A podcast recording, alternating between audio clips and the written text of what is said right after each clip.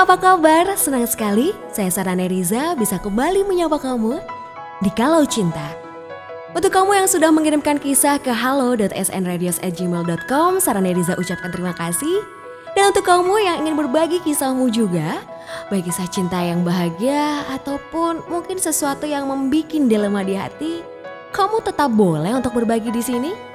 Kirimkan ke halo.snradios@gmail.com atau kamu bisa juga mengirimkan melalui DM ke akun Instagram @neriza atau ke @snradios. Kisah ini dikirimkan oleh seseorang yang berada di Jakarta. Hai Sarah, aku ingin cerita. Lima tahun sudah aku menikah dengan suamiku. Selama itulah aku menahan begitu banyak rasa sesak di dada. Ternyata cinta saja tidak cukup untuk membuat bahagia. Atau minimal menahanku dari rasa ingin menangis tiap kali mendengar pertanyaan yang sama. Kapan punya anak? Siapa yang tidak menginginkan hadirnya buah hati dalam pernikahan seseorang? Hal ini jugalah yang selalu aku lantunkan dalam doa siang dan malam. Aku juga ingin menimang bayi. Aku ingin merasakan sibuknya mengganti popok atau begadang tiap malam, atau menyusui setiap hari. Tapi aku bisa apa?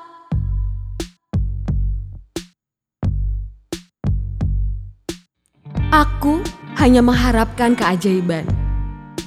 Jika memang Tuhan yang memegang setiap jawaban atas pertanyaan.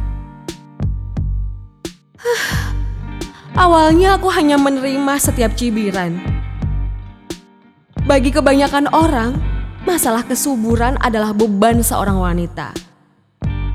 Jika tak hamil, maka si wanita tidak subur.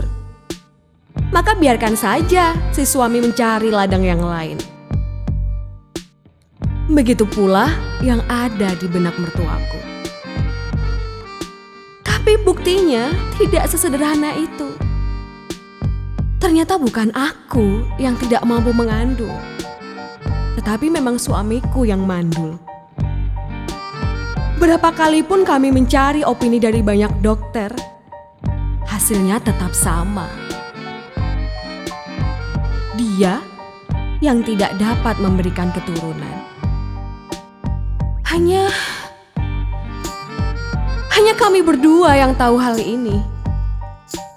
Dia memintaku menutup rapi apa yang terjadi pada dirinya.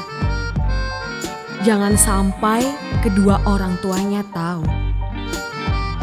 Tapi dampaknya apa? Akulah yang menderita. Sejujurnya, aku mencintai suamiku apa adanya. Tapi di sisi lain, aku tidak kuasa lagi mendengar pedihnya perkataan orang lain padaku. Hadirnya setiap prasangka yang keluar dari mulut mereka. Belum lagi permintaan mertuaku agar suamiku menikahi wanita lain. Apakah memang aku harus bertahan? Atau aku pergi saja?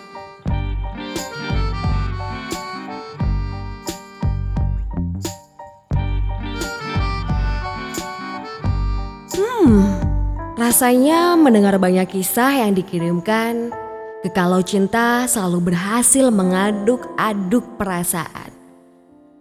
Kadang-kadang apa yang ditampilkan oleh raut wajah bahagia tidak selalu mencerminkan pedihnya sesak di dalam dada.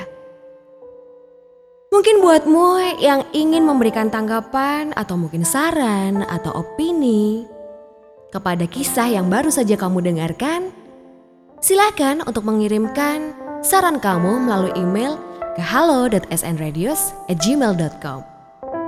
Untuk mendengarkan berbagai episode dari Kalau Cinta, kamu juga bisa membuka di website www.snradios.com. Sampai berjumpa di Kalau Cinta selanjutnya. Bye.